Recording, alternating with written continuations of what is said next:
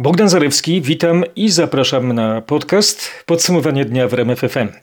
Dziękuję, że zdecydowaliście się posłuchać syntezy wydarzeń omówionych przez naszych dziennikarzy w faktach oraz na stronie rmf24.pl.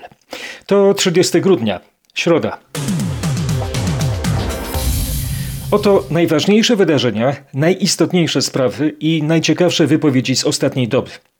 To prawdopodobnie największe osuwisko w Norwegii. Rozpacz Chorwatów po trzęsieniu ziemi. Koniec roku, tak trudnego z powodu pandemii, przyniósł kolejny cios. Ponad pół tysiąca Polaków przegrało walkę z koronawirusem ostatniej doby. Mamy kolejny niepokojący wzrost liczby ofiar oraz zakażonych. Będą masowe styczniowe testy nauczycieli na SARS-CoV-2. Premier Morawiecki ogłasza nowy program ratunkowy dla miejscowości turystycznych. Wiemy, jaki może być harmonogram zakończenia i kontynuacji epidemicznych obostrzeń. Ale będzie też sporo doniesień, które poprawią nam wszystkim humor. Na przykład sylwestrowe propozycje miłego spędzenia czasu. Oraz optymistyczne wieści z Katowic. Czyste informacje, niewinne jak buźki nowonarodzonych dzieci. Tuż, tuż 2021. Jesteśmy z nowym rokiem tuż za rogiem, ale ten obecny jeszcze daje się we znaki. 10 osób zostało rannych, jedno jest w krytycznym stanie, a 15 uznaje się za zaginione w południowej Norwegii. W miejscowości Ask, nieopodal stolicy Norwegii Oslo, nad ranem osynęła się ziemia. Pół tysiąca osób ewakuowano. To dramatyczne przeżycie, skomentowała Erna Solberg, premier Norwegii, po przybyciu na miejsce katastrofy. To jedno z największych tego typu osuwisk w naszym kraju, jeśli nie największe, podkreśliła szefowa norweskiego rządu. Ma ono aż 700 metrów długości. Kiedy nagrywałem ten podcast, nie było doniesień o ofiarach śmiertelnych. Zakładamy, że w rejonie osuwiska mogą znajdować się zaginione osoby. Taką informację przekazała policja w gminie Jördrum, gdzie leży miejscowość Ask. Część miasteczka zapadła się pod ziemię. Zniszczonych jest co najmniej 14 budynków mieszkalnych, jedno lub wielorodzinnych. Służby ratownicze przeszukują zawalone domy za pomocą helikoptera oraz kamer termowizyjnych. Po południu ziemia nadal się osuwała, niszcząc kolejne budynki, co bardzo utrudniało akcję ratowniczą. Zobaczcie zdjęcia i filmy z katastrofy naturalnej w Norwegii. Niektóre domy dosłownie zawisły na krawędzi. Agencja Reutera cytuje relacje lokalnych mieszkańców. Oto co mówił 69-letni Oystein Jerdrum. Wystąpiły dwa potężne wstrząsy, które trwały przez długi czas i założyłem, że to odśnieżanie czy coś w tym stylu. Wtedy nagle zabrakło prądu. Przybył sąsiad i powiedział, że musimy się ewakuować, więc obudziłem trójkę wnucząt i kazałem im się szybko ubrać. W południowej Norwegii w ostatnich dniach obficie padał śnieg, co mogło wywołać ześlizgnięcie się gliniastej gleby. Ziemia cały czas się trzęsie, donoszą chorwackie media. Po wczorajszym trzęsieniu ziemi o magnitudzie 6,4 zginęło co najmniej 7 osób, 26 zostało rannych, ale poszukiwania pod gruzami trwają. Paweł Balinowski sprawdził doniesienia i dowiedział się, że poszukiwania przerywane były kolejnymi wstrząsami. Rano, między 6 a 7 to były dość silne wstrząsy, sięgające 5 stopni w skali Richtera. Potem do południa ziemia zatrzęsła się lżej i jeszcze kilka razy. Ludzie masowo uciekali wtedy z domów. Wielu w obawie przed wstrząsami wtórnymi w ogóle zrezygnowało z nocowania w budynkach. Spali w samochodach i pod gołym niebem. Tak, noc spędziło 20 tysięcy mieszkańców Petrini, miasta, które było epicentrum wczorajszego trzęsienia. W oddalonej o 10 km wsi Majskie Poliany zginęło aż 5 osób. Tu już niczego nie ma, nie ma żadnego życia, nie wiemy co mamy robić i dokąd mamy pójść. Mówiła jedna z mieszkanek doszczętnie zniszczonej wsi. Premier Andrzej Plenkowicz zakomunikował, że rząd przeznaczył 120 milionów kun, 19,5 miliona dolarów na pilną pomoc dla najbardziej dotkniętych obszarów. Jak donosi Reuters, Chorwacja zwodziła się również o pomoc do Unii Europejskiej. Europejski komisarz do spraw zarządzania kryzysowego Janusz Lenarcic jeszcze w środę miał odwiedzić zniszczony przez żywioł obszar. Papież Franciszek modlił się w środę za ofiary. Zobaczcie na zdjęciach, jak przerażająco wyglądają chorwackie miejscowości. To jak krajobraz czasów wojny, tylko że tym razem w Chorwacji to walka z naturą.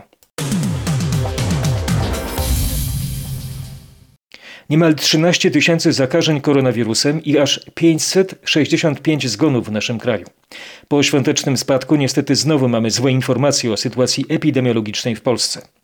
Najwięcej nowych dodatnich wyników testów koronawirusa jest na Mazowszu 1600, ale ponad 1000 zakażeń jest także w Wielkopolsce, na Śląsku, w Kujawsko-Pomorskiem i na Pomorzu.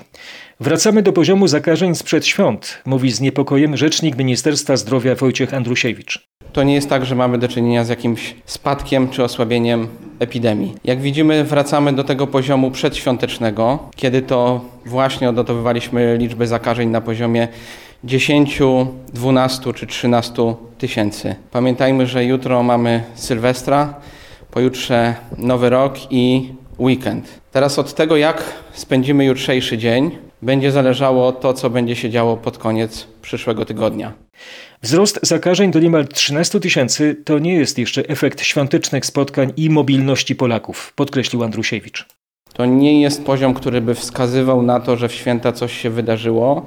Myślę, że te raporty mówiące o tym, jak mogliśmy się zachować w święta, to będą na przełomie tego i przyszłego tygodnia. Według rzecznika resortu zdrowia wysoka liczba zgonów 565 to efekt spóźnionego raportowania ze szpitali podczas okresu świątecznego. Między 11 a 15 stycznia odbędzie się wielkie testowanie nauczycieli. Badanie na obecność koronawirusa będą mogli wykonać nauczyciele klas 1-3, bo tylko powrót do szkół dzieci z tych klas po feriach rozważa rząd. Testy dla nauczycieli mają być dobrowolne. Mariusz Piekarski wie, ilu nauczycieli może wykonać takie testy. Ponad 190 tysięcy o tylu nauczycielach edukacji wczesnoszkolnej informują kuratoria. Teraz Sanepid czeka na informację, ilu nauczycieli chce wykonać test przed powrotem do nauczania w szkole. Nie ma wymogu poddawania się testom obowiązkowo, kiedy nie ma wskazań, stąd też nie można wyciągać konsekwencji od osób, które takiemu testowi się nie poddadzą. Wyniki badań nauczyciele mają poznać w weekend kończący ferie, ale to nie od tych badań będzie zależało, czy najmłodsze dzieci wrócą do szkół. My od tego testowania nie uzależniamy, czy dzieci wrócą do szkół, bo to, czy dzieci wrócą do szkół, będzie zależało od tego, jak będzie przebiegać epidemia. Ze słów rzecznika Ministerstwa Zdrowia wynika, że rząd nie rozważa powrotu do szkół dzieci ze starszych klas niż 1-3. Na dzień dzisiejszy mówimy o powrocie do szkół klas 1-3. Nauczanie początkowe może ruszyć, a to czy ruszy, będzie zależało od nas. Decydujący będzie poziom zakażeń w trakcie ferii. Warszawa, Mariusz Piekarski.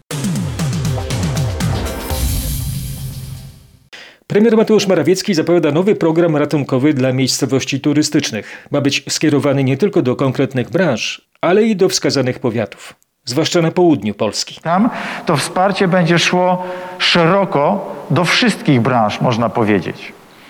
Dlaczego? Dlatego, że właśnie południe Polski zimą realizuje największe obroty, największe dochody na ruchu turystycznym. Premier dodaje, że ma to pokryć część wykazanych strat. Za dwa i pół tygodnia możliwe jest częściowe otwarcie szkół, stoków narciarskich i hoteli. Zamknięte natomiast mają pozostać siłownie i restauracje.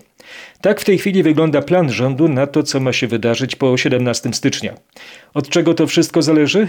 Krzysztof Berenta. Od tego, ile będzie wtedy zakażeń i od tego, jak będzie wyglądało zamawianie szczepionek z zagranicy. Na razie, jak usłyszeliśmy, intencja zniesienia części ograniczeń jest. Oficjalnie jednak rząd nie chce składać żadnych deklaracji. My dzisiaj nie potrafimy określić i nie chcemy wręcz określić, e, co się dokładnie zdarzy za miesiąc. Tak mówi premier. Nieoficjalnie jednak ustaliliśmy, że pomysł jest następujący. Od 18 stycznia otwarte miałyby zostać szkoły dla klas 1-3. Chodzi o to, żeby nie męczyć już maluchów uwięzieniem w domach.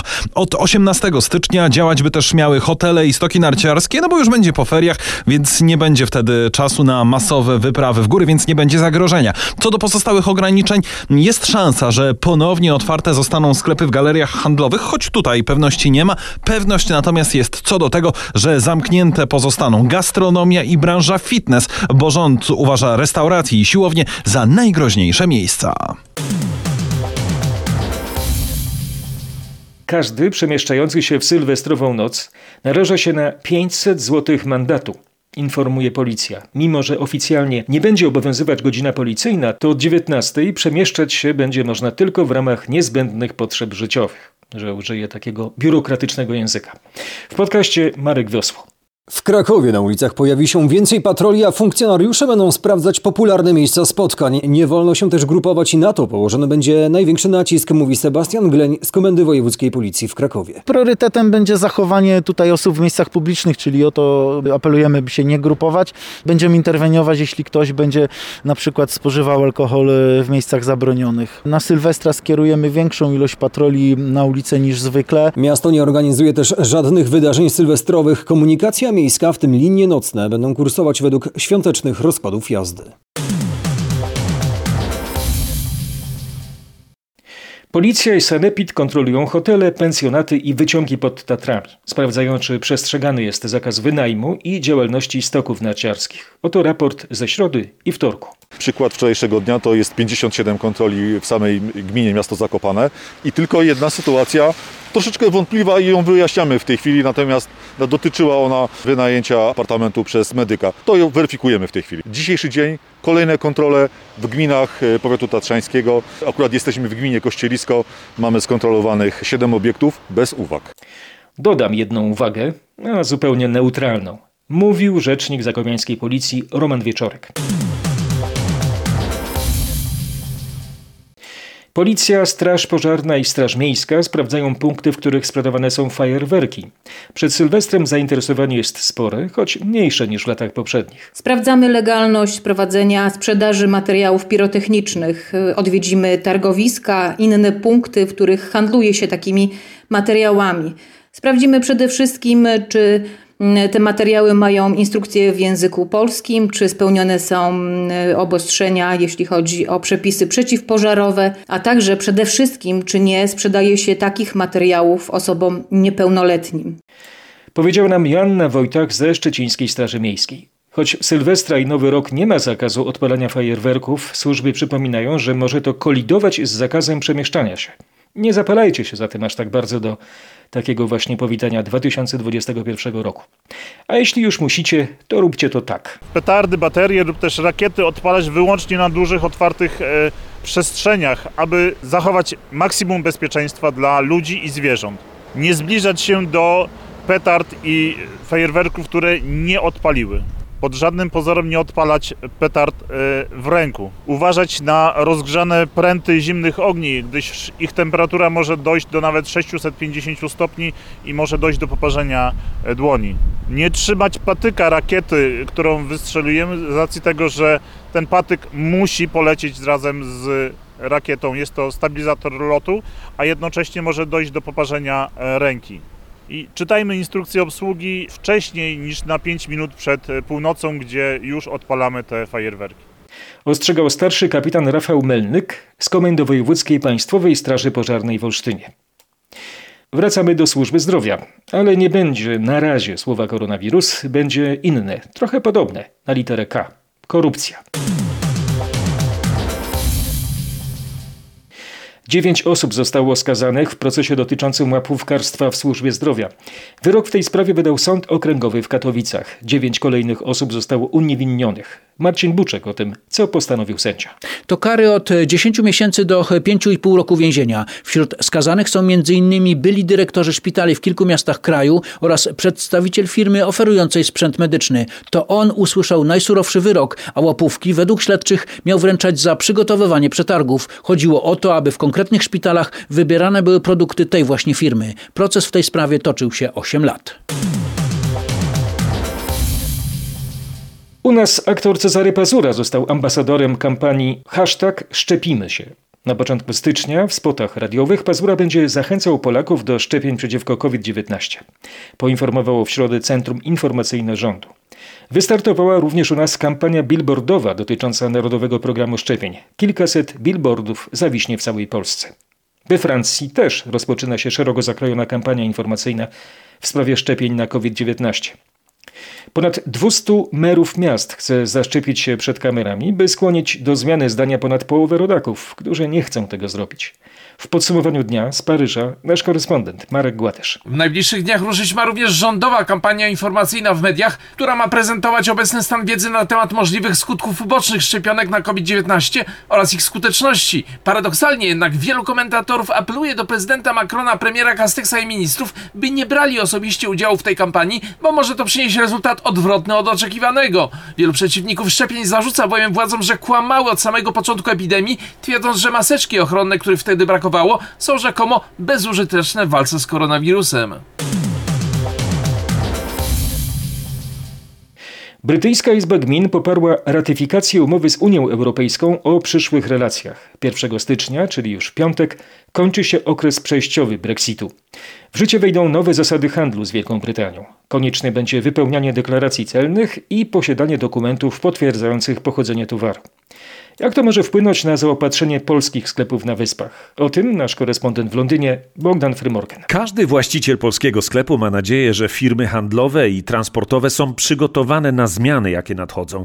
Nikt nie chce kłopotów na swoim podwórku, ale jedna opinia przeważa. Jedno, co jest raczej pewne, y, to transport podrożeje i to grubo, bo kierowcy będą spędzać tutaj dłużej, więcej czasu, będą musieli więcej przerw robić, transport będzie kosztowniejszy i to odczuje każdy, Każdy klient. każdy, klient, każdy Polak mieszkający w Wielkiej Brytanii.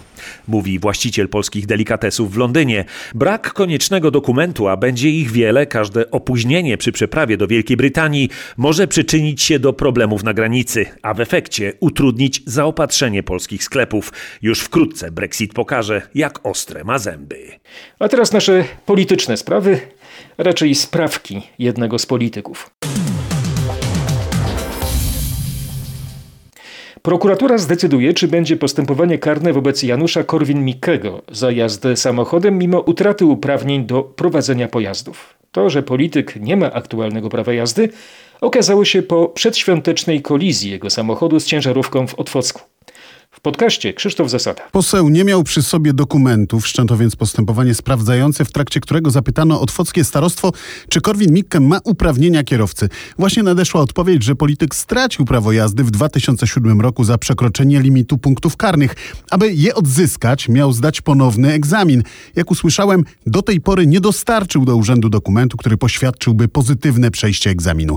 Teraz prokuratura zdecyduje, czy będzie śledztwo z artykułu 180a kodeksu karnego. Za ten czyn grożą dwa lata więzienia. 300 zł za zbyt głośne dzwony. Taki mandat na jedną z poznańskich parafii nałożył Inspektorat Ochrony Środowiska. Kontrolerzy nakazali też kościołowi ściszenie dzwonów, informuje nasz reporter Mateusz Łyston. Chodzi o parafię Zmartwychwstania Pańskiego na Wildzie. O treści protokołu przekazanego przez Inspektorat Ochrony Środowiska poinformował jej proboszcz. Z dokumentu wynika, że jeśli parafia nie obniży poziomu hałasu, czekają ją kolejne kary. Pomiary głośności dzwonów przy ulicy Dąbrówki odbyły się na początku grudnia. Dostarczony niedawno do parafii protokół to podsumowanie tej właśnie kontroli. W niedawnych ogłoszeniach kierowanych do wiernych proboszcz zapowiedział całkowite wyciszenie dzwonów. Nie kibicujcie teraz za głośno, dobrze?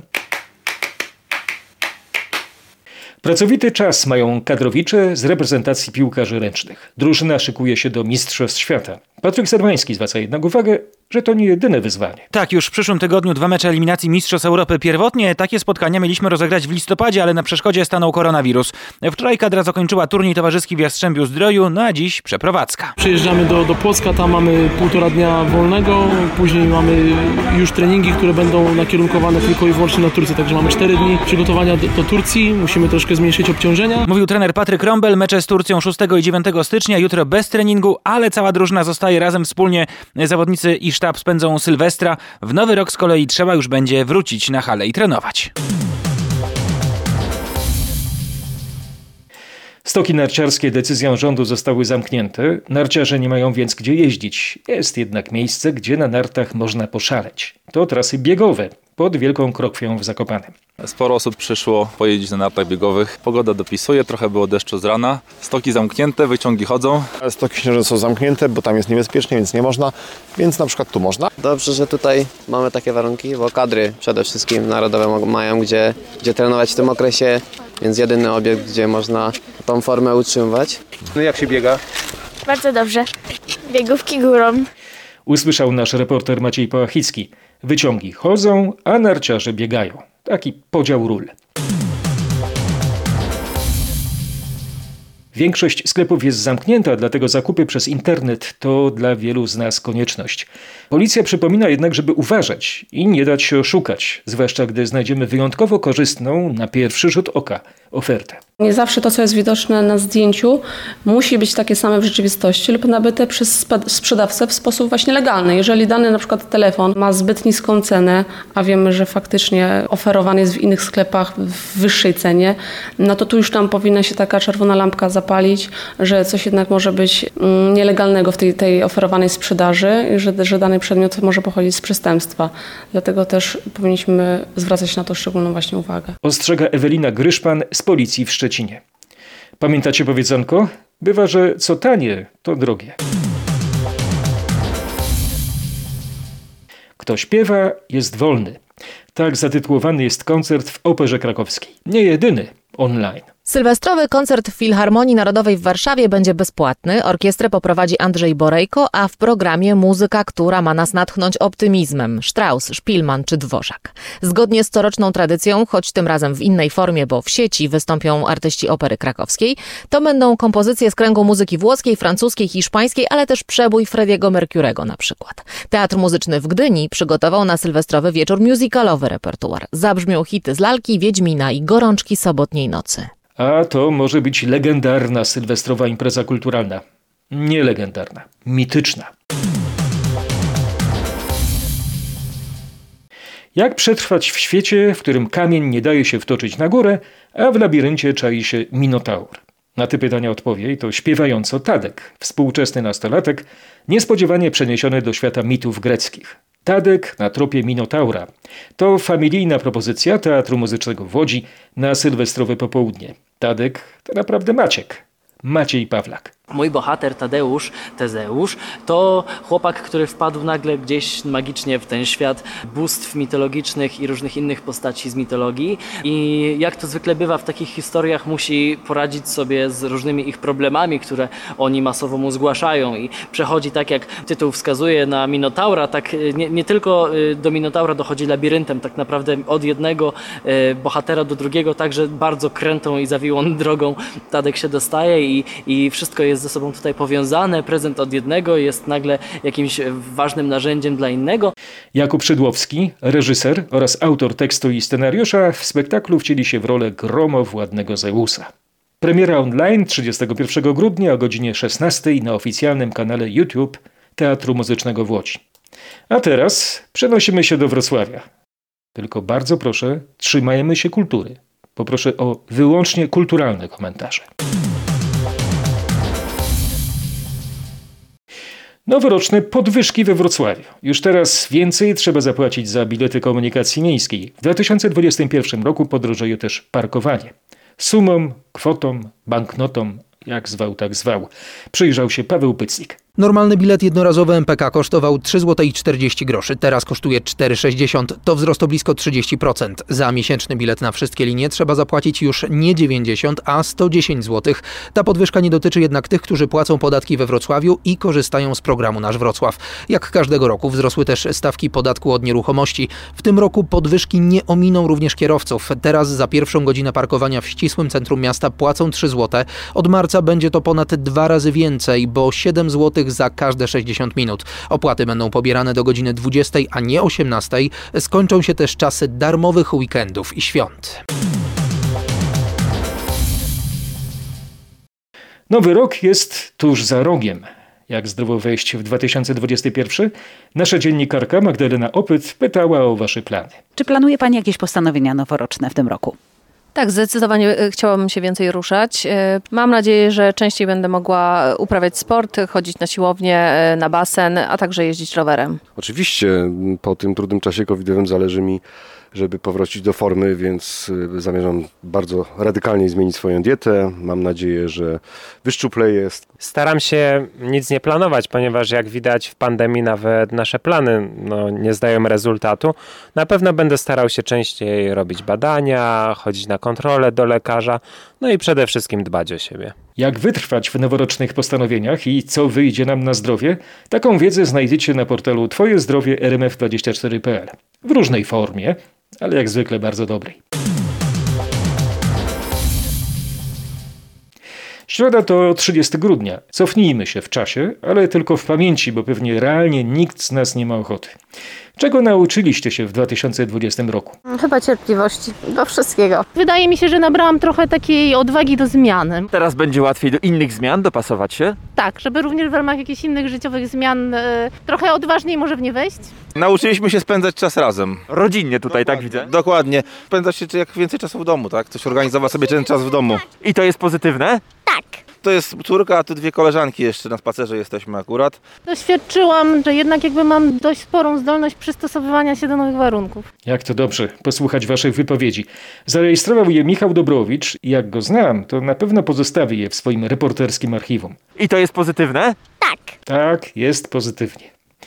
Rekordową liczbę noworodków zarejestrowano w tym roku w Katowicach. Było ich ponad 6800, czyli o 650 więcej niż rok wcześniej.